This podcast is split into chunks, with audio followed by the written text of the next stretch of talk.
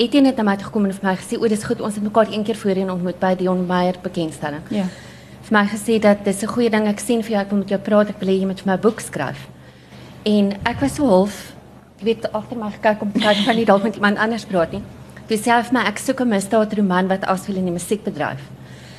En ek het so groot geskrik, ek het nie eers gegroet nie. Weet ek moet aan en die volgende oggend wakker geword en mooi daaroor gedink en gedink nee, ek kan dit nie doen nie. Weet ek ek dink is uh, hekkie te hoog vir my. Dis kan nie. En seker so 2 weke daarna, ek het my kind by die skool gaan aflaai by die huis gekom en toe ek so stap na my rekenaar toe, toe kry ek die eerste hoofstuk. Toe dink ek ek as dit daar begin, ek kan dit soontoe gaan en dan Wat was daai vonk? Wat was daai vonk? Ek weet nie. Weet jy, ek dink dit was die die obsessiewe aan, aanhanger. Ja. Um, wat wel bestaan, dit bestaan ook in Afrikaanse musiek. Daar is sulke mense wat 'n totale obsessie kry oor mense. Ek dink dit was dit en toe het ek gedink okay van maar as dit misdaad is dan moet iemand vermoor word en dan moet dit nou maar seker 'n joernalis wees. en ek het toe gaan sit en skryf en dis wat gebeur het. Just like. En Irma, wat- jy jy het nie eintlik my vrae geantwoord nie. Jy het nie eintlik gesê hoekom 'n um, misdaadboek nie. So wat was die vonk vir jou? Maar fiksie is een ding, daar's liefdesromans. Dink ek wou nog mens wil altyd skryf. Ek dink as 'n mens wil skryf, dan wou jy nog altyd skryf. So daar was 'n hele aantal boeke gewees voor my eerste boek want ek het ook die behoefte om te skryf. En um, ek geniet misdaadfiksie ook. Ek dis wat ek gekyk het. Ek het Derrick op TV gekyk. En dit die Ah. ou oorvertaalde Duitse is waarmee ek groot geword het. En boeke gelees, die ou Klip 0707 dit toe dit nog gesien Ja. in skande was. En ehm um, dit het altyd net dit was my verskriklik interessant. As ek TV kyk is dit wat ek kyk ook. So dit is dit is wat 'n mens ken, dit is wat jy wil skryf en ek hou daarvan om die raaisel aan mekaar te sit. En dit is interessant dat ehm um, ek wil nou juist vir Irma vra om haar eerste paragraaf te lees want dit is geweldig visueel en jy's daar, jy's in die oomblik. So lees net gou-gou vir ons daai eerste paragraaf. As Tot ek- by die geel kolletjie. As ek mag, hierdie eerste stuk wat ek sien het tot waar jy gemerk het. Ja. ehm, ek was op 'n storie gewees in Duitsland waar hulle die limousines maak vir presidente Mercedes-Benz. En ek het met 'n kinder gepraat van ehm um, uh, hierdie gepantserde voertuie. Toe sê hy vir my, ehm al die, elke fliek lieg. Uh, 'n gewone Beretta of 'n 9 mm koel kan deur 'n hele aantal kar deure skiet. Yes, like. Kan deur 'n hele aantal kar deure skiet sodat help net die polisie spring uit in die flieks en skuil agter 'n kar deur nie. So jy sal nou sien as ek as ek lees. Ehm um, dit begin is Alex. Die eerste skoot trek links verby, te ver om te veel te worry. Die tweede een laat my op my hurke neersak tot op die harde stowwerige grond. Dit plof deur die sink van die plakkershut tot in die naburige huis. Tref iets met 'n dowwe klank. 'n Kind skree, maar is 'n paar huise verder in die slingerende stofpad af. Flieks lieg. 9 mm koels gaan deur alles. Ilse, joune is nou heeltemal anders. Jy sê jou vonk was daai geheime aanhanger. Lees daai eerste paragraaf van jou. Sy blaai deur die plakboek totdat sy by die eerste leebladsy kom. Neem die stafie gom en smeer van dit versigtig op die agterkant van die tydskriffoto wat sy uitgeknip het. Sy plak dit seker vas en kyk tevrede daarna. Sy lees weer die onderskrif. Die gewilde sanger Karel Strydom het onlangs sy vierde platinum toekenning ontvang vir verkope van meer as 40000 vir sy nuwe album Maanmens. Die album het hierdie prestasie behaal slegs 5 weke nadat dit uitgereik is. Ek is baie dankbaar vir die sukses, het Strydom gesê. Die Afrikaanse musiekmark gaan deur 'n moeilike tyd en ek is bly my aanhangers ondersteun nog my musiek. Sy vryf saggies oor sy gesig. Haar vingers huiwer by sy mond. Eendag dink sy, eendag gaan ek daardie mond soen. Die jury is nog uit op wie hierdie Karel Strydom gebaseer is. Daar's 'n hele paar ehm um, kandidate. Dan was daar 'n wonderlike era, hulle noem dit die goue era in die 20s in Engeland, met mense soos Sherlock Holmes en so aan, wat die misdaad fiksiebedryf absoluut gebloei het. En ene um, Monsignor Ronald Knox, hy was 'n Oxford um, man gewees, het sy nou al baie bekende vereistes vir die misdaadroman neergepen. Een daarvan was dat die boef, ag die die ja, die boef moet redelik gou genoem word, maar jy mag nie die leser mag nie weet wat in sy gedagtes aangaan nie. As jy twee spelers het, moet die Watson bietjie dommer wees, maar jy mag weet wat in sy gedagtes aangaan. Verder het hy gesê daar mag geen ge geheime gange wees nie, geen dubbelgangers, geen tweelinge waarvan die leser nie bewus is nie en asseblief nie Chinese nie. en soos julle nou vanoggend ook weer gehoor het, ehm um, die Dion sê dit redelik gereeld. Hy het dit vanoggend to toevallig nou nie weer gesê nie, maar dat die speerroman is 'n baie um, in 'n sekere mate 'n rigiede genre.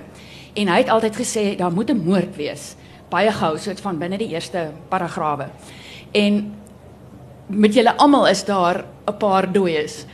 en daar weet die die koelsklap in die lemmeglei en so en, en ek is tog ek wonder half weet um waar kom julle aan daai sal ek sê navorsing weet hoe ek bedoel ek kan nie my voorstel dat 'n nywerheidsjoernalis en 'n musiekjoernalis sommer sal weet hoe, glippe lem deur keel weet vat dit lank vat dit kort Ilse dit was 'n redelike grafiese toneel Weet jy, ehm um, dit was een van die verstom want dit was een van die eerste want dit is die tweede hoofstuk waar die moord gepleeg word.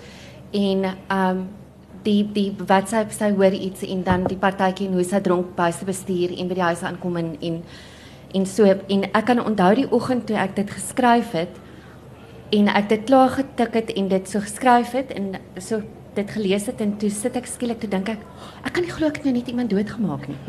Ehm um, dis ek weet nie waar dit vandaan gekom het nie. Ek het gelukkig ek het 'n doktersvriendin want daar's later is daar skiet voorval en sy kon vir my gesê het dat luister as ek cool daar in gaan dan kan die skade wees. Jy weet ens van mens moet maar vra. Ja, is dit ja. is dit is dit moontlik en toe ek my die die ehm um, daai notas wat hulle die keuringsverslag gekry het. Toe is daar nogals my gesê dat ek moet 'n klein bietjie meer uitbrei. okay Daar moet 'n bietjie meer gevoel en hoe voel die persoon en en so aan. Want by die joernalis byvoorbeeld, ehm um, sy word eers op die kop geslaan en een van die goed wat deur haar kop gaan is nou gaan ek met môreoggend my hare was. Ehm um, want ek het al met mense gepraat dat hulle sê as hulle in so 'n situasie is, dan jy kan amper nie glo wat gebeur nie, dat jy aan iets silly dink soos ek moet môre my hare was. Jy dink nie jy gaan nou doodgemaak word nie, jy dink net aan iets prakties. Ja.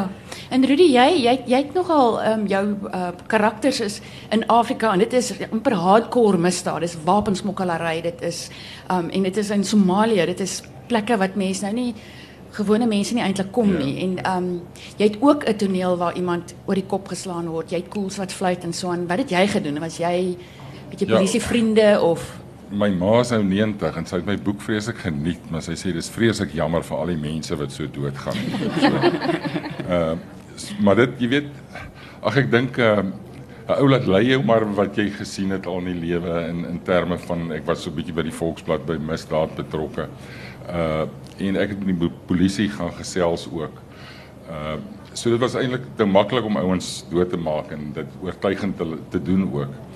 Uh ek dink dis maar die die die die kernbestanddeel van verrassings, was enige daar verrassings in jou navorsing wat jy gedink het, "Sjoe, weet, ek het nie geweet." Soos sy nou sê, sy nou nie geweet 'n Baretta se koel kan deur 'n kar deurgaan nie.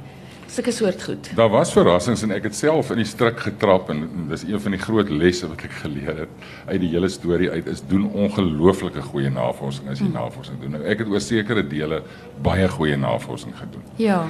Uh maar ek is nie 'n vuurwapenkenner nie. Ja. My broer is en ek het 'n pel wat 'n groot vuurwapenkenner is en ek het uh om een of ander rede het ek die woord vinnig gelees van die Russiese pistool en toe dit 'n Kasparov pistool gemaak. Dit het skaakklokkies by my laat lei, maar dit het my nog nie gepla die Kasparov pistool nie. En uh, met die laaste stel proewe, toe sê Esther Karstens my uh, redakteur vir my jong, ek het op die internet gekyk, daar's iets soos 'n Kasparov pistool nie. En ek sê nog van nee daar is man, ek is 100% seker ek was reg. En die aand toe begin ek nou te worry, die proewe gaan die volgende dag moet dit nou afgeteken wees. Bel toe 'n vriend en sê nee, daar's iets so. As 'n Tokarev pistool, maar nie 'n Kasparov pistool. So uh, so ou moet ook werklik baie seker maak van jou feite in 'n Ja. in enige speurverhaal. En Irma, jy het, jy het vroue wat wat vuurwapens redelik met gemak hanteer, veral die een en wat voortvlugtig is in byvoorbeeld in Indië en weet weggevlug het uit uit ehm um, Suid-Afrika uit. En met jou net ook vir al die misdaadnavorsing, jy sê jy het nou toevallig gepraat daar in Duitsland, maar hoe anders weet vroue weet wapens moet moet ligter wees, et cetera. Wel, ek kan skiet, so dit help. Ehm um, ehm um, ook in my situasie. Plus ek het ook maar kontakte by die polisie. Boesie Engelbrecht het my gehelp byvoorbeeld my polisienavorsing. Ehm um, ek het ook 'n dokters, actually is my dokter wat my gehelp het en ek moet ek kan seker maar sê vir my derde boek ehm um, het ek na toe gegaan. Sy het nog nie geweet nie. Toe sit ek by haar toe sê ek vir haar ek moet iemand doodmaak met twee messe, twee meswonde. Hulle moet vir 20 minute nog leef en hulle moet kan gesels en haar oë net so geword. So, dis ek nee nee nee. dit is vir 'n storie en te verduidelik ek wat aangaan. So mense gaan sit en jy maak staat op ander mense se kennis. Ek moet sê ek weet nie hoe mense boeke geskryf het voor Google nie. Ja. En nie soos ek nie ook nie weet hoe die joernaliste gewerk het voor Google nie, want dit is 'n ongelooflike bron. As jy die regte bron kan kry, dan is dit baie keer baie betroubaar vir alles jy uit, uit twee of drie bronne kan Ja. verifieer dat die inligting reg is. So het, het, het wat ek nou graag sou wou weet is um uh die die genre van die speurroman. Het julle doelbewus volgens daai amper ek sou nie sê rigiede maar wie die struktuur van 'n speurroman gewerk. Um uh, Dion Meyer het vanoggend 'n interessante ding gesê. Hy het gesê um as jy binne iets werk soos die speurroman genre dan werk jy noodwendig met klisjées. En jou taak is eintlik om iets anders met die klise te maak. En nou wil ek spesifiek vir Rudy vra want ek het vir hom ek het vir hom vroeër gevra sy speder weet het hy toe hy nou vir inspekteur Cassie Kasselman geskep het, het hy gedink aan soort van die die normale of die, die tradisionele speerroman se speder. Maar luister 'n bietjie as hy lees hoe Ja, ek het, ek het is. probeer wegbeweeg van die van die tradisionele macho held. So ek het 'n ou geskep wat alles behalwe 'n handsome hunk is. Kasselman lyk alles behalwe na 'n intimiderende geregsdienaar. Hy herinner Ben eerder aan 'n kantoorklerk by 'n skrootwerf. Sy hare is in olie- olierige slierte styf teen sy kop geplak. Die baardstoppels maak 'n blou skynsel op sy bleek vel. 'n Skelrooi windjekker met 'n oliekol op die linkerbors hang sakkerig aan sy maar gestalte. Die gestreepte blou dassie is kort geknoop. 'n Stuk harige maag loer by die gekrekelde hemp uit waar een knoop ontbreek en wit sokkies steek uit onder 'n te kort swart langbroek. nou So dit dit is nie die wat was jou inspirasie vir Cassie? Ja, Asseblief Rudy. Ek dink my inspirasie daarvoor was om iets anders te skep as die normale tradisionele held. En en om te kyk of ek nie iets anders kan kry wat wat ouens ook van gaan hou nie. En toe het ek gedink uh om iemand te skep wat met baie swakhede geseën is en en wat regtig waar hy's verstrooid, hy's 'n introvert, hy's sosiaal ongelooflik onbeholpe, maar tog 'n baie skerp brein. En ek dink wat die voordeel om so 'n karakter te skep is dat uh dit gee vir my weer ander moontlikhede want ouens onderskat vir Cassie as hulle hom sien. Hulle onderskat hom totaal en al. So dit gee vir my baie ander moontlikhede as wat 'n skrywer sou hê met 'n tradisionele held mm. wat jy nie onderskat nie. Dat laat mens bietjie dink, ek weet nie of julle destyds um, Columbo gesien het nie. Daar's so vaak Hy's so- skadu's van Columbo ja. daarso. Hoewel ek nie aan Columbo gedink het nie, het Ja. ek na die tyd gewonder dit is dalk nogal nader aan Columbo as aan Magnum PI, jy weet. Maar Rudy, jy het ook 'n ander interessante ding gesê met dit dat jy gesê het jy wil so 'n bietjie weggebreek het uit die Ja. weet daar moet 'n lijk wees op Ja. bladsy 1 en dan is kom die speeder en op bladsy 2 tipe van. Ehm um, het jy 'n interessante ding gedoen met Cassie. Jy het hom bietjie later ingebring. Ek het hom later in die boek ingebring. Eh, Ek dink een van die redes was dat uh toevallig voor ek die, my die boek begin skryf het, het ek 'n hele klomp Amerikaanse skrywers, ek het, was op soek na 'n nuwe skrywer waarvan ek kan hou. En ek het 'n hele klomp Amerikaanse skrywers goed gelees en dit was ongelooflik resepmatig vir my. Dit was so dieselfde struktuur. En dit het my eintlik aangespoor om heeltemal iets anders te probeer en en heeltemal anders oor die ding te dink. En Cassie byvoorbeeld eers op bladsy iets in die 80. Ja, ja, mense het so al verwonder, weet jy, het nou Ja. 'n kroek na kroek. Ja. Ehm um, en skielik dan kom Cassie. Ja, ja. Ehm um, Ilse, jy en Irma het nie eintlik 'n speeder nie, is ek reg? Dit is ja. Ja. meer die karakters en verskriklike goeders gebeur met die karakter en die speeder is amper agter, weet in die in die agtergrond, weet draai die wiele van die van die gereg, maar nie eintlik so dat mense kan agterkom nie. So hoe hoe hoe kom hoe kom het julle op daai struktuur bes- besluit? Jy nou, Ilse? Um weet jy die in in my geval is am- amper die die storie is amper die speeder. Jy weet ek meen die die die karakters is almal op 'n manier verbind en um en ek het gehoor Kan jy dat so net so twee mm, tussinne half die storie Okay. Um Opsom? die Of die die hoof- daar's 'n? Afrikaanse sanger. Um daar's die obsessiewe aanhanger. Daar's 'n jong meisie wat in 'n plakkerskamp groot geword het wat in Idols aan Idols deelgeneem het met 'n met 'n verlede. Um daar's 'n bitter akteur wat vies is vir die bedryf. Um daar's 'n Afrikaanse sangeres wat vreeslike regse rassistiese uitlatings op haar webwerf maak. Ehm um, en ehm um, en dan ander ander die die sanger het 'n agent en hy het 'n assistent en jy weet en so so hulle is hulle is die die karakters maar hulle is almal op 'n manier is hulle is hulle verbind. Ja. Ehm um, en ja vra van oor die oor die speurder. Ja. Ek het nogals by stadium toe ek begin skryf het, het ek nogals 'n uh, idee gehad want daar is 'n ander joernalis, daar nou nie die ene wat heel afgesny word nie, daar's 'n ander ene wat 'n vrou is wat vir die burger werk. En ek het nogals op 'n stadium gedink ek wil vir haar amper die speurder maak dat sy die ene wees wat dan die moord oplos of wat dan agterkom hoekom die moord gepleeg is of so. Um maar dit het toe nou nie so soos wat ek geskryf het. Ek het regtig agtergekom daar wat mense sê 'n boek skryf homself. Was Ja, definitief ja. in my geval so. Um ek het byvoorbeeld die moordenaar um wat aan die einde nou nou uitkom is die moordenaar. Ek was nie dit nie. Ek het eintlik gedink dit was iemand anders.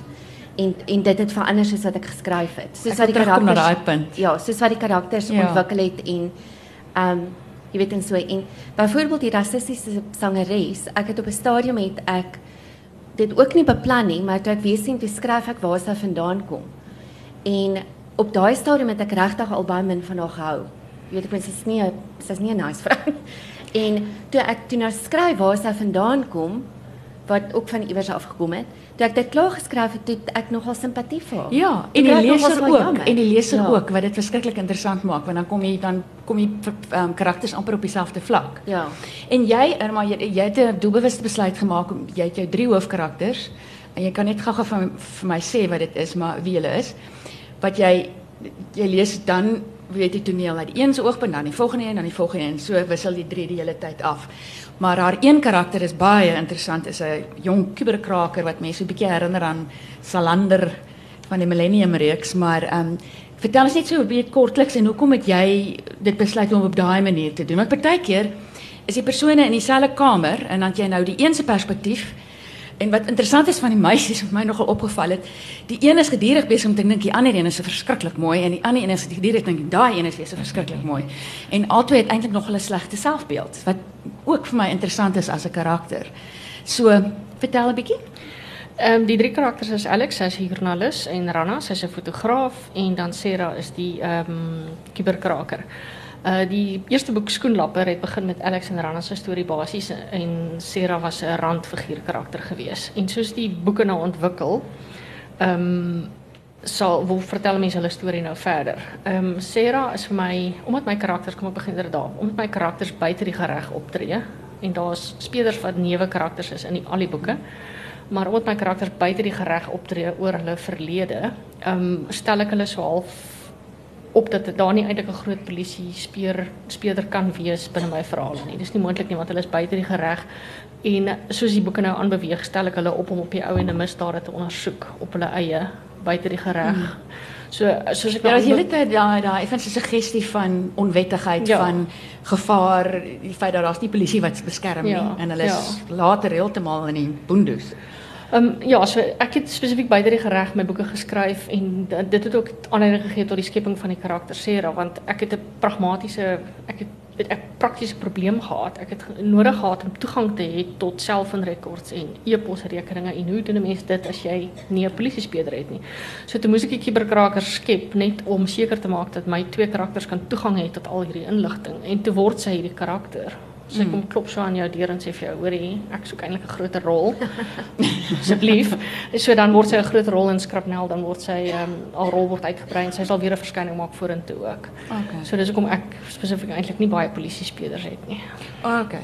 En Rudy, ehm um, met jou wat nogal opvallend was met jou boek, dit is amper soos 'n film afgespeel. Dit is skrikkelike kort hoofstukke en ehm um, 'n geweldige wye ehm um, spektrum amper. Weet jy's letterlik, weet jy, spring van Kaapstad met 'n klomp hoofvaardige Kaapse witboortjie misdadiger en dan dan is jy in Nigerië waar daar ehm um, Suid-Afrikaner gijslaar gehou word deur 'n klomp Nigeriese rebelle wat weet teen die oliemagnate baklei en dan spring jy weer weet na Cassie in sy kantoor.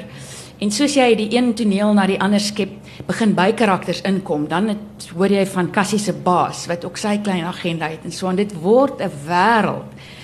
Sê vir my, hoe het jy tred gehou?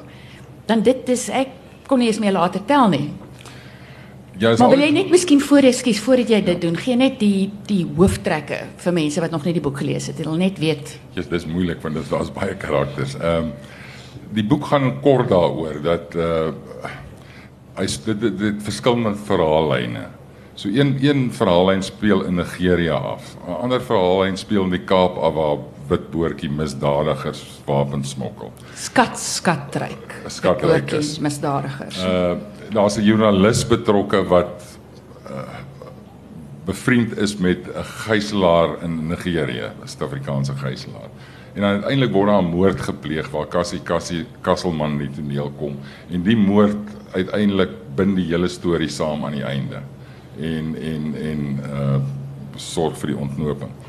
So jy's eintlik lag, jy weet ek het my my eerste hoofstuk het altyd in my kop gebroei toe ek gedink het ek wil 'n boek skryf. So ek het die eerste hoofstuk geskryf. En toe besef ek, okay, nou moet jy 'n boek agterna kom agter die ding.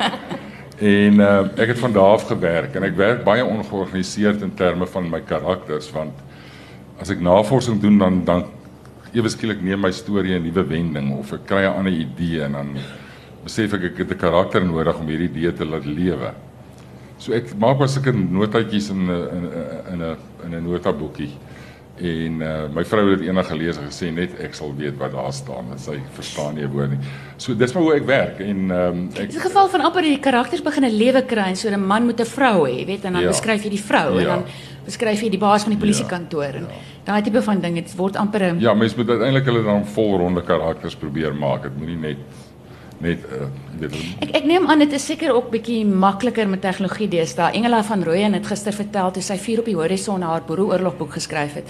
Dis verlede jaar heruitgegee. Jene ek moet net vir julle sê dit is nou die die Gone with the Wind van Afrikaanse boeke. Dit is 'n heerlike storie, maar dit is so 'n dikke duiwel en dit dit dit strek oor die hele boereoorlog. Ek ek I verse nou so 'n bietjie.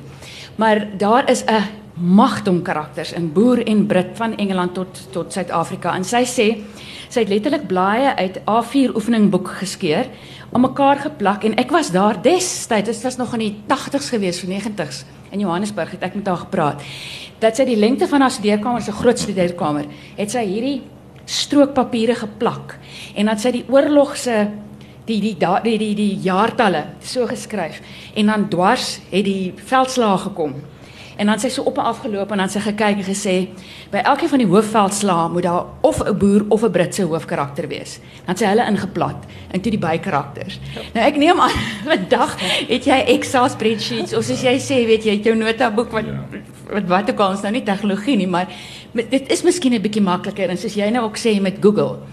Maar ehm um, wat ek tog ook wil sê met tegnologie, dink julle nie dat vandag met die dat ons tegnologie het, dat as jy skryf, moet jy baie meer filmies skryf.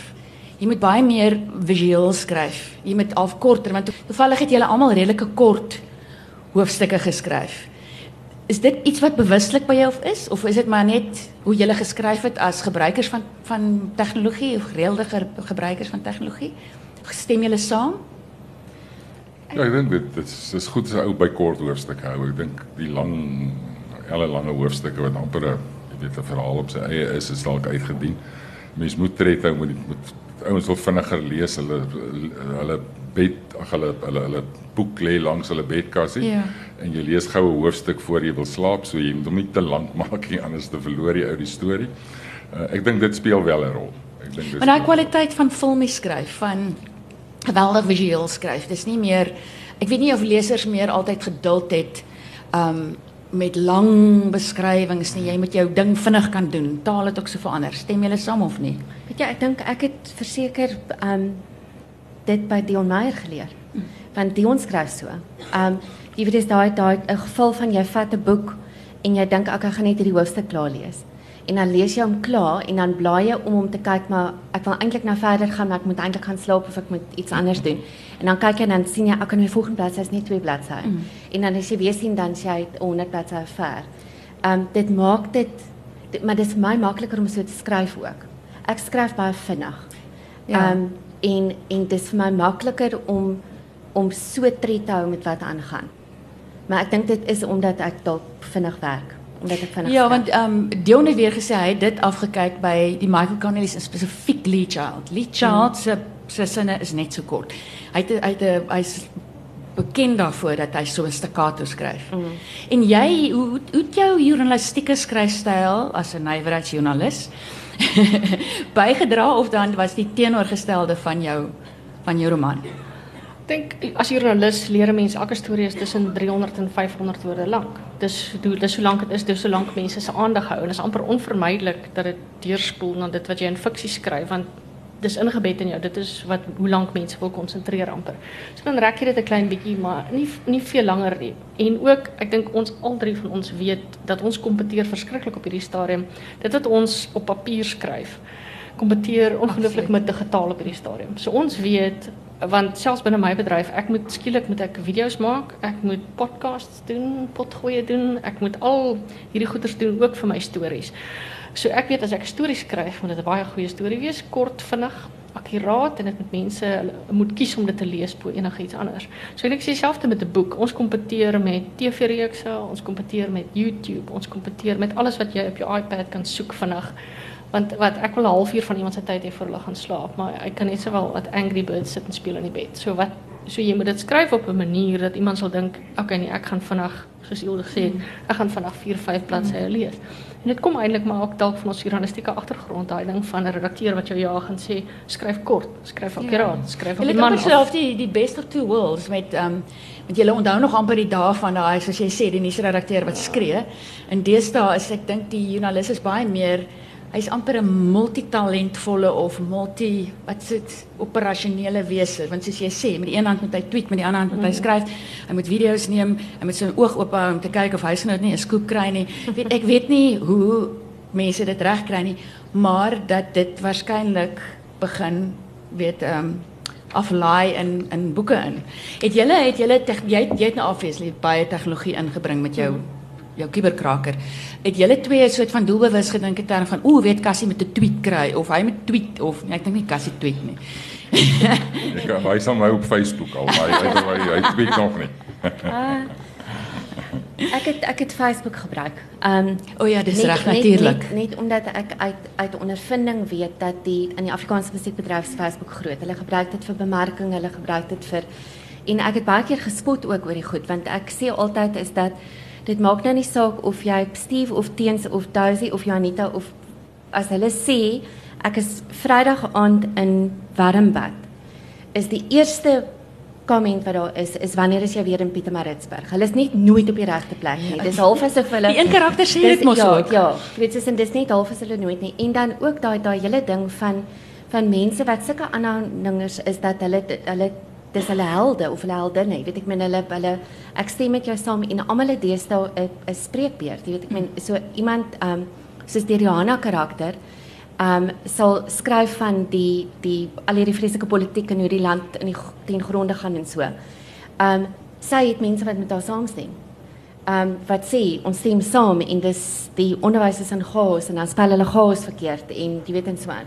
Um en dan iemand soos Karel Strydom wat nou die die stil sterk held is, het nou weer altyd 'n klomp vrouens wat sê Ag jy's so mooi en jy lyk so mooi en jy's so sexy en jy's jy weet en so aan. So ek het Facebook het ek baie gebruik. Islam. En al drie van julle nou 'n nuwe punt. Al drie van julle maak nou die punt dat julle in 'n stadium gevoel het die karakters begin 'n lewe van sy eie kry. Nou ek is 'n joernalis wat nou nog nie 'n boek geskryf het en ek dink nie in my lewe met sal waag nie. Maar ek hoe gebeur dit dat 'n karakter sy eie lewe kry? Jy jy sê Cassie het hier ingekom en hy sou maar net die inspekteur wees wat hierdie een moord oplos en toe hou jy so baie van hom en hy het hom so half opgedring dat hy's nou 'n baie groter rol in jou volgende boek en jy sê dieselfde van Sarah die koeperkraker. So hoe gebeur dit? Ja, ek dink ek het maar net so geniet om Cassie se half alweregse persoonlikheid te skep dat ek besluit ek gaan hom nie weer los nie. Hy werk so lekker vir my dat ek hom nie weer gaan los nie en ek hoop nou maar die lesers hou ook so van hom. Uh so hy hy het al deel van my jy weet ek dink ah, partymal as ek TV kyk selfs dink ek wat sou Cassie daar gemaak het net net net om my weet omdat Cassie heeltyd by my is ek het ander dag op die eintlik myself vermaak met die Oscar verhoor terwyl hy terwyl een van die polisieoffisiere uh, onder vra is, het ek elke keer 'n antwoord vir wat sou Cassie gesê het. en ek het naam regtig lekker gelag vir my eie grappies wat ek gemaak het. Sê jy ooit um, ware jy, jy het nou natuurlik in jou boek omdat jy so na nuus ge, weet gewerk het. Um, maar sê jy byvoorbeeld ware persoonlikhede inbring? Nee, ek dink nie so nie. Nee, ek ek, ek dink 'n mens steel maar 'n bietjie van die mense ja. wat jy ken en waarmee jy te doen gehad het. Maar ek sal nooit 'n persoon probeer uh weet naboots 'n persoon te ken nie. Okay. Bang vir hofsaake. Uh vir alles hy 'n boef is, maar maar uh, nee, jy weet maar ek dink 'n ou steel tog onbewustelik steel jy van jou jou omgewing. Ja, maar dit skep net nie 'n bietjie geloofwaardigheid daai ding wat jy sê van ja. weet jy het na die Facebook van van sangers ja. en goed. En onmiddellik skep dit vir mense van oh, dit is bekend, weet dit voel of dit waar is. En Irma, ehm um, hoe hoe hoe hoe sê jy jy het nou gepraat jy het spesifieke woorde gebruik sy raad haar aan my opgedring en gesê hier is ek. Um hoe hoe dit gebeur of is dit maar logika weet jy kyk hoe die stories moet werk en haar storie moet aangaan.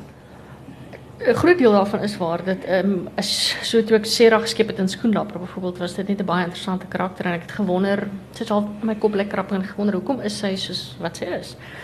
En ek wou graag dieper in haar karakter inkrap en ek wou graag haar uh, meer as 'n volronde karakter skep. En toe ek dink ek moet haar terugbring in Skrapnel en ek um, met haar ook toe nou teruggebring in die derde boek wat nou op pad is speel sy ook 'n groot rol. So hierdie karakters kom en jy spandeer baie tyd in jou kop saam met hulle. Hulle is jy ken hulle intiem en hulle is hulle vat so baie van die spasie in jou kop dat al is hulle net 'n nuwe karakter dalk op die boek is hulle eintlik meer in jou kop en dit noop jou eintlik half om te skryf en hulle meer vleis te gee en vir hulle 'n groter rol te gee vir alles hulle interessante karakter is saam met ek en ek geniet dit om tyd saam met Sarah deur te bring. Byvoorbeeld, dan dink ek nee, ek moet haar 'n bietjie meer tyd gee want die mense raak verveeld soms omdat jy skryf as jy deel ter dieselfde ding skryf ja. oor dieselfde Neem jou neem jou karakters bietjie jou eie lewe oor, begin hulle begin jy droom jy van hulle? Oh, nee, ek ek droom nie en ek soek tegnologie afwers. So, um, ek is eintlik ek koop nie eens iets aanlyn nie want ek is te paranoïes. So so dit was baie interessant om al hierdie boeke te skryf, maar nee, ek droom glad nie van my karakters nie. Ek sit baie lank in Johannesburg in die verkeer.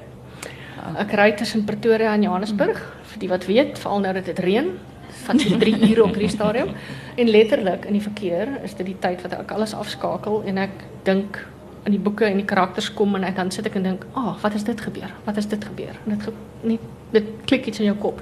So dankie tog dat die verkeer op hierdie stadium hmm. help. En jy en jy Elsa? Weet jy, ek het met die met die skryf van die boek, ek het agterin ook van my vriende bedank want um ek sou op, op 'n partytjie of by ete gewees het of so en dan en dan kom maar net so skielik 'n ding by jou op en en dan sit ek en dink wag so 'n bietjie en dan skakel ek totaal af. Jy weet ek met mense kan nie om my praat en en goed doen. Ek kan onthou ek was by 'n 40ste verjaarsdag partytjie op 'n vlootboot in Simonstad. Dat ek op 'n stadium my iPhone gevat het, want ek het 'n idee gekry en ek het gesit en skryf op my foon. En ek het die volgende dag, dag dit gaan oortik op my mm -hmm. op my op my rekenaar. So ek dink ek dink dit was John Steinbeck wat gesê het I write 3000 words a day, sometimes I even write them down. Ek dink dis hy wat dit gesê het.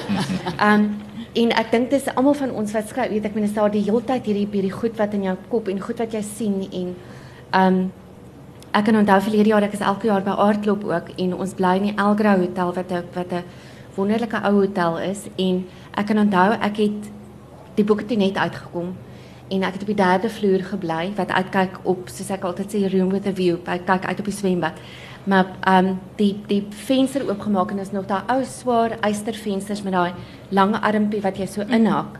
En toe ek die venster so oopstoot en hom so indruk, toe kyk ek so toe dink ek ek dink hierdie venster is groot genoeg om iemand uit te gooi. Um, en en dan kry jy 'n volgende idee vir as jy 'n volgende boek skryf en weet hoe goed kan gebeur. So ek dink dit is maar net besig gekom. Ek droom byvoorbeeld ontsettend baie. Ek ja. het nie vir my karakters gedroom nie, maar ek droom verskriklik baie ontsettend ja. en en ja. Want ek kan dink soos jy sê, as mens so baie tyd spandeer met sulke mense, as jy dink hoe hoe baie keer jy scenario's oor jou vriende soort van oor en oor en oor dink en jy dit is eintlik jou verbeelding, want baie keer sit en dink jy, "Het wat gaan daar aan en wat van dit en dit en dit." Mm. Maar jy wat nou so praat van Cassie wat jy so saam met jou sit en TV kyk. Ehm um, jy lyk nie vir my die soort man wat droom oor karakters nie. Nee, nee, nee. Maar wat ek graag sou wil weet wat my op pinktikkel van jou boek weer is, daai drie Kaapse sakemanne. Dit is manne wat 'n onwettige loophole gesien het. Hulle het hulle het 'n gewone besigheid en 'n onwettige loophole gesien en hy toek het en hulle word skatryk in die proses. En jy beskryf daai ampere ek sal sê Bishop's Court tipe van leefstyl so goed. Sê asseblief vir my, het jy sulke vriende? Is daar mense wat jou bitter kwaad gebel het en gesê het maar dit is my kroeg wat jy nou gaan beskryf het? Die My ongeluk, swembad toneel. ongelukkig ken ek sulke ek wens ek het sulke ouens geken, maar Of is, geld of is, dit, is dit. 'n falie se se neidigheid teenoor Kaapstad wat daar uitsteek? Nee, ek het regtig dit maar dit is sommer net geskep daai. Dit is verbeeldingsvlugte. Ek, ek dink ryk ouens leef so in in en Speel koerante en media byvoorbeeld 'n rol? Het jy want ek sê nou dink dit baie keer was daar al sulke stories en Ja, ek wil nou net sê daar's heelwat nuus oor sulke tipe van ouens wat wat uh, 'n mens kan jy weet gebruik het. Uh, in my geval het ek nie regtig nie, maar ek meen dit is karakters wat beslis in die nuwe Suid-Afrika bestaan. Ja. Sê vir my wat ehm um, van hierdie hele proses van om 'n joernalis te gewees het en nou het jy 'n boek gaan skryf. Wat sou jy sê as jy nou na die gehoor kyk en hier's nou mense wat aspirant skrywers is? Jou vyf goue reëls. Wat wat is 'n les wat jy geleer het? Miskien iets wat jy sou doen en iets wat jy nooit weer sou doen nie. Ek dink die eerste ding is mense met jou feite absoluut kontroleer. Ek meen dit is dit is 'n uh, gegewe. Uh jou redakteur moet jy het vir jou sê hoor is jy seker daarvan of jy wat my redakteur wel gedoen het. Uh en ek dink die die een foutjie wat ek gemaak het wat ek dalk nog steeds geneig is om te maak, partymal kan ek bietjie oorverduidelik. Uh ek so bang die leser verstaan dit nie en daar's ek vinnig op die vingers getik en reg gehelp. So dis dit, dit is 'n lesie wat ek geleer het. Moenie oorverduidelik. Jy weet as jy nou 'n situasie verduidelik kan ek dalk 'n bietjie net te ver gaan. Ek is bang die leser verstaan nie. Terwyl 'n mens nooit jou leser onderskat ook nie. Ja, sê leser dis um show don't tell. Ja. Goue reël. So dit is dit is een baie groot goue reël wat ek wat ek geleer het. Maar jou volgende boek kom nou uit in Mei al. Ja. Dis reg. En Ilse, Weet jy, ehm vyf goue reëls nou of dis nou vyf met- die, die een ding wat jy definitief moet weet is mense doen dit nie vir die geld nie. Ehm dis jy weet ek meen dis ehm mense het hierdie persepsie dat kyk die en ek dink vir al die Afrikaanse mense, ons is ontsettend kreatief. Jy weet ek meen as mens kyk na die hoeveelheid boeke wat uitkom en die hoeveelheid goeie boeke wat uitkom in in in so, maar jy doen dit nie vir die geld nie. Ehm die ander ding wat ek sou sê is jy moet sit en skryf. En ehm um, ek het met tye hierdie onsekerheid my gevat dat jy dit nie kan glo nie. Wat jy moet ook maar wonder o, ek weet nie wat ek doen nie en jy weet ja, wanneer het jy gaan- geskryf? Wanneer was jou beste tyd vir skryf? Ehm in die oggende O. wanneer ek vir Zak afgelaai het by die skool. Die ander ding ook is dat ek is 'n vrouskatjoernalis. Ehm um, so ek moet werk om geld te verdien. Mm. Dit is my inkomste. Wat gebeur het is ek het ehm um, einde voor verlede jaar het ek ek het werk gedoen by Aardklop en ek het 'n SARS terugbetaling gekry wat vir my gehelp het wat vir my finansiëel 'n buffer gegee het van 'n tyd lank. so jy het So eintlik 'n ek het- deadline gehad. Ek het vir myself 'n deadline. Ek het ek Ja. het vir Etienne gesê ek wil einde Februarie klaar wees. Want ehm um, en ek het snaaks genoeg die die die 13de Februarie verlede jaar het ek die punt getik. Ehm um, dis die manuskrip ek dink hier by die 54000 woorde of so, dis ek klaar. Daar is 'n ander ding, moenie moenie kyk hoeveel woorde jy al geskryf het nie, want dit sal vir jou mal maak. Want vir al as jy gewoond is aan 300 en 500 woorde of 1000 woorde vir 'n artikel en 'n uitgewer sê vir jou ek het 50000 woorde nodig en jy skryf laat die bloed teen die mure spat en dan kyk jy en dan sien jy ek ek het nou 800 woorde. Jy weet, so dit kan jou dit kan jou knak. Maar in enige geval, ek het die 13de klaar geskryf en vir Zak gaan aflaai by die skool my seun en terugkom by die huis. My plan was om toe nou weer die hele boek van voor af te lees om te kyk of daar iets is wat ek wil verander. En ehm um, toe ek my rekenaar aansit, toe begin die stories van Oscar deurkom. Rivas geskiet. Is dit 'n inbreker? Jy weet daai dit was toe daai daai dag Mm, wat mm, mm. wat het gebeur wat jy weet ons. Toe ek natuurlik die hele dag op Facebook en op die webwerf en Twitter en inspan. En toe die 15de toe het ek besluit maar luister ek gaan nou, nou gaan ek daai boek lees. En toe kom ek agter ek wil alles verander. Jy weet soos nou ek ek is nou so onseker ek weet nou niks nie. Toe besluit ek dis nou So Etienne- dis ja. nou Etienne se job. Hy Ja, moet nou maar pas op nou jouself oor te reageer. So my raad is moet dit nie vir die geld doen nie. doen dit as jy regtig dit wil doen as jy 'n storie het want niemand gaan dit vir jou doen nie. Jy moet dit self doen. En en kyk maar dat jy by 'n goeie span uitgewers en proeflesers en Okay.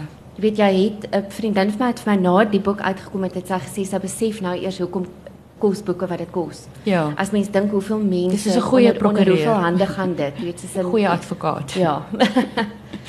Irma, Ek sê net sê moenie praat oor skryf nie. jy's die enigste een wat hier sit met 'n tweede boek, so you did something right. Glad nie ver agter nie. Ehm ja, so ek sê moenie praat oor skryf nie. Gaan sit net en skryf en dan gaan soek 'n goeie idee en kry karakters om daai idee uit te voer. Ehm Dink jy mens moet begin? Hulle sê altyd as mens jou eerste boek skryf, moet jy begin met iets wat aan jou bekend is wat of iets in jou eie persoonlike lewe, net om vir jou amper daai Linus Kombersie te gee van ietsie wat bekend is voor jy nou daar in die wille weste van jou verbeelding is. Stem jy saam? Dis alles wat 'n bietjie bekend is, soos hier se joernalis in en hier se fotograaf en maar uh, vir die res glad nie want ek dink dit om uit jou eie lewe uit te skryf gaan dalk vir jou een boek gee. Ja. Wat dan? Wat doen 'n mens dan? So dis beter om in jou kreatiewe proses dink ek in jou kop in te gaan en as 'n kreatiewe mens idees te gaan soek en om karakters te gaan soek en om te kyk of jy nie net 'n storie kan skep nie want die idee is is om te skryf. Uit Ja. dit wat jy ook om jou sien en dit wat jy ook ervaar en dit wat jy ander mense sien ervaar want ek ek dink En 'n les wat jy geleer het wat jy nie weer sal doen nie? Yes. Ek as die derde boek hierdie jaar uitkom as alles baie goed gaan. Ek het drie storielyne saamgevat en dit was 'n nagmerrie want om tred te hou met die karakters en die storielyne en om alles saam te trek hier aan die einde Mm. het my slaaplose dagte gegee. Ek het net gedink kan ek asseblief tog net nooit weer drie storielyne saam. Luister en dan, ehm, um, hoekom dink jy hulle is speurverhale so gewild op die oomblik? Die ek wil kort wees. Ek het 'n teorie daaroor. Ek dink speurverhale was altyd baie gewild in Suid-Afrika Ja. en onder Afrikaanssprekers. Ek meen ons te uh, ons deeltjie Afrikaanssprekers het hulle deeltjie bygedra om Wilbur Smith skatryk te maak. Dis ons het reg. almal Engels gelees. En niemand het regtig tot die vroeë 90's dink ek niemand regtig ooit gedink aan om 'n Afrikaanse speurroman te lees nie. Ek dink nie daar was baie nie en die wat daar was het ouens Malinese voor opgetrek.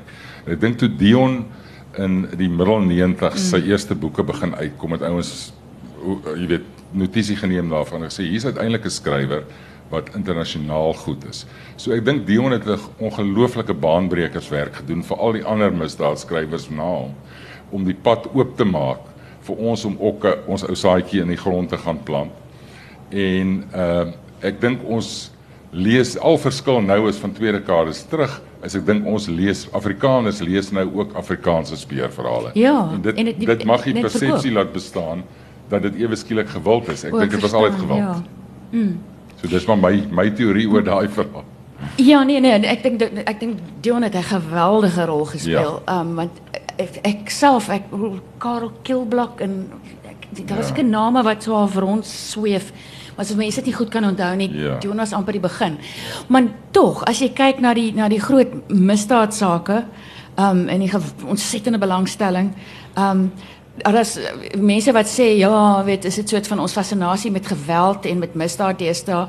Ek bedoel, ehm um, daar's 'n groot geveg tussen beeld en die burger. Beeld sê altyd geweld, moorde verkoop op hulle voorblad. Die burger sê ehm um, hulle lesers hou nie so baie daarvan nie. Dis baie interessante ehm um, debat daarso. Maar is daar tog iets wat dink julle in in in die opspraakwekkende amper wil Oscar se saak om heel eerste op Griekwa stad moord kom tweede op wat amper net so in 'n boek kan wees. Trouwens as jy daai ding skryf vir 'n boek sê die uitgewer sê nee, sjoe, saksarel.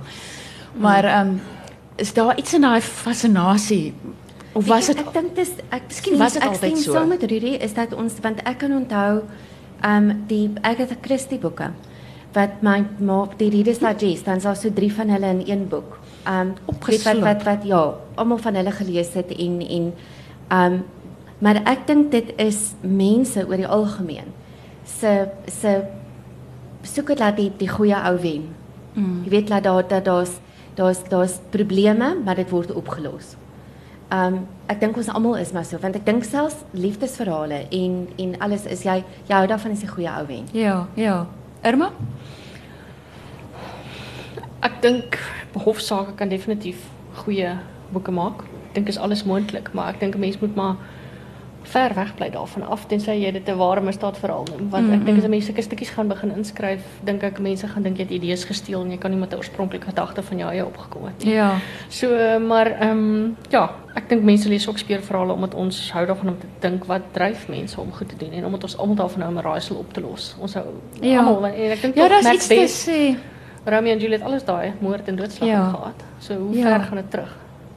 Ja, dis waar. En en en dis 'n interessante punt wat jy maak daai ding van 'n speurverhaal. Daar's 'n sekere daar's 'n sekere netjiese element daaromtrent. Mm -hmm. Die skuldige ry aan die pen, die goeie ou C4, hy kry miskien swaar en so aan. En tog het al drie van julle 'n flippin oop einde. Dit is nie net alles netjies. Ek is jou naskrif, Rudy het 'n naskrif geskryf wat soos daai krediete in 'n fliek so oprol aan die einde wat net so af sê wat van elkeen van sy karakters geword het. En, ja, lag harte oor party van hulle. Maar daar's een man, daar's een man wat 'n lekker oop einde maak daarso. Ehm um, so hoekom jy ook? Daar's die daai een karakter sweef daar buite rond. Selfs met jou. Hoekom? Hoekom het jy doelbewus weggeskram van die van die een groot verkoopwaarde wat jy nou vir my gee vir 'n speerroman? Ek dink ek wou wegbeweeg van die resepte ek gesê het. So ek wou nie die boeke Jy's 'n rebel. Ek wou 'n rebel wees en ek wou nie die einde maak soos almal verwag het. Ek dink een van die goed wat ek heeltyd kyk wanneer ek skrywe is wat as ek die hoofstuk lees, wat verwag die leser gaan volgende gebeur? En dan probeer ek dit teenoorgestelde doen. Ek dink dit weet nie of julle ook so werk nie, maar ek probeer altyd dink wat anders kan ek uitdink wat die leser sal verras. So dit is maar hoe ek Ja. werk. En jy, Irma? Ek ek hou daarvan om vir die leser um, 'n raaisel te bou en ek wil graag hê die leser moet kan teruggaan en kan dink ek kon dit gesien kom het as ek wou. So ek wil graag vir die leser die kans om die raaisel te kan oplos. Ja. Vir ons albei 'n regverdige kans te gee. So dit maak dit vir my baie interessanter om op daai manier maar 'n raaisel te bou. Uh die oop einde vir my was ek het van die begin af 'n reeks beplan. Dit was van die begin af vir my O, okay. bloot een dat ek graag 'n reeks boeke oor hierdie karakters wil skryf. Okay, so een moet nog 'n uh, toekomsmoontlikheid hê. Wel, dit maak nie dat jy nie een of twee van die ka- karakters kan doodmaak nie. Ja. Ek bedoel dit is alles moontlik. Alles moet moontlik bly. Ja. Want ek dink as 'n mens te lank gaan glo die hoofkarakter kan net aanhou leef dan raak dit soos hierdie TV-reekse wat na die 12de reeks dan dink jy net As mense asseblief soen mekaar tog nou net. Want hoe lank kan dit nou aangaan? So mens moet ook bietjie onvoorspelbaar bly. Goed, ag baie dankie julle. Ek wil net gewonder het of enige iemand vir hulle iets wil vra, hy sê die gehoor uit. As daar nie vrae is nie. Nie? Hm? Ehm um, dan moet julle net, hulle het gevra dat mense asseblief aan die voorkant uitgaan dan kom blykbaar mense aan daai kant in. En ek sê vir Rudy en vir Ilse en vir Irma baie baie dankie. Dit was baie lekker. Dit maak my nie minder opgewonde om self iets te gaan skryf nie. Ons wag vir jou. Maar dit gee vir mense nog 'n paar tips. Baie dankie daarvoor. Ek wil net asseblief gou-gou ietsie byvoeg. Is Ja. dat ek weet nie van julle nie, maar die ondersteuning wat ek gekry het van ander skrywers was verstommend.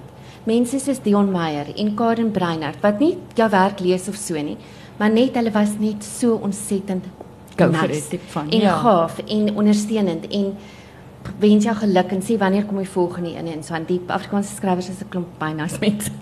Dink ek. Lekker.